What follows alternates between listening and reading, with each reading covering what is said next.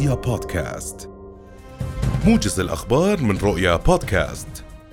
أقر مجلس الوزراء في جلسته اليوم نظام الرعاية الصحية والطبية المقدمة عن بعد لسنة 2023 ويتيح النظام الفرصة لتسهيل الوصول إلى الخدمات الصحية والطبية المقدمة عن بعد من جميع أنحاء المملكة باستخدام الوسائل الإلكترونية. في الحالة التي يكون فيها مقدمو الخدمة غير موجودين في المكان ذاته فيما بينهم أو بينهم وبين المريض.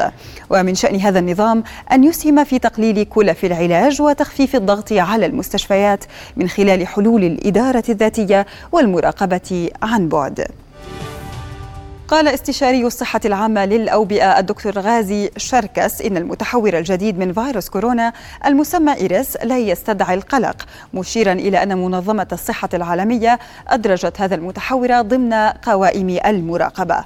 وأضاف شركس لرؤيا اليوم أن إيريس يحمل صفات أوميكرون ويتسبب في ذات الأعراض وشدة العدوى.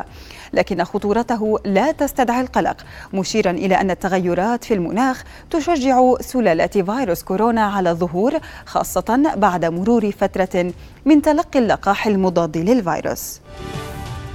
أنذرت وزارة العمل 1148 منشأة وحررت 2468 مخالفة لمنشآت خالفت أحكام قانون العمل والأنظمة والتعليمات الصادرة بموجبه منذ بداية العام الجاري 2023 وقالت الوزارة في بيان اليوم إن فرق التفتيش نفذت في النصف الأول من العام الجاري نحو 14 ألف زيارة تفتيشية على مختلف القطاعات والأنشطة الاقتصادية في المحافظات كافة إلى جانب حملات تفتيشية موجهة لقطاعات اقتصادية معينة كمكاتب التشغيل والمدارس الخاصة والقطاع الزراعي والعمالة غير الأردنية المخالفة وعمل الأطفال.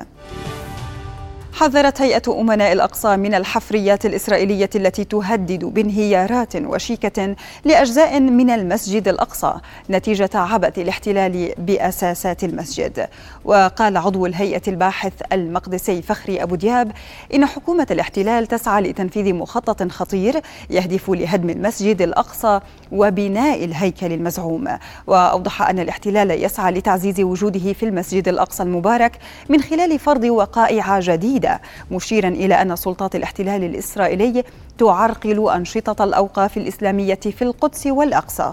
ولا تسمح بترميمه حتى لا يكشف عن الحفريات الموجودة أسفله. لقي عشرون مدنيا على الأقل حتفهم خلال تجدد المعارك العنيفة في الخرطوم وأم درمان بين الجيش السوداني وقوات الدعم السريع. وحذرت منظمة إغاثة من خطر تفشي الأمراض نتيجة تحلل الجثث في الشوارع. فيما قالت الأمم المتحدة إن الأوضاع الصحية تشهد تدهورا حادا في جميع أنحاء البلاد.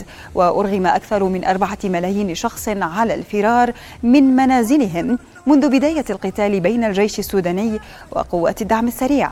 من بينهم أكثر من ثلاثة ملايين شخص نزحوا داخل السودان. ندد الرئيس الأمريكي السابق دونالد ترامب بإجراءات قضائية عدة تطاله وتهدد مصير حملته الانتخابية. واشتكى من أن المثول أمام المحاكم سيبعده عن الحملة لفترات طويلة في العام 2024 وفي خطاب ألقاه بعد أيام قليلة على توجيه الاتهام إليه للمرة الثالثة خلال أربعة أشهر وجه ترامب انتقادات حادة لمسؤولين يحققون في مزاعم تفيد بأنه احتفظ بشكل غير قانوني بأسرار على صلة بالأمن القومي وزور سجلات تجارية وحاول عكس نتائج الانتخابات بوسائل ملتوية.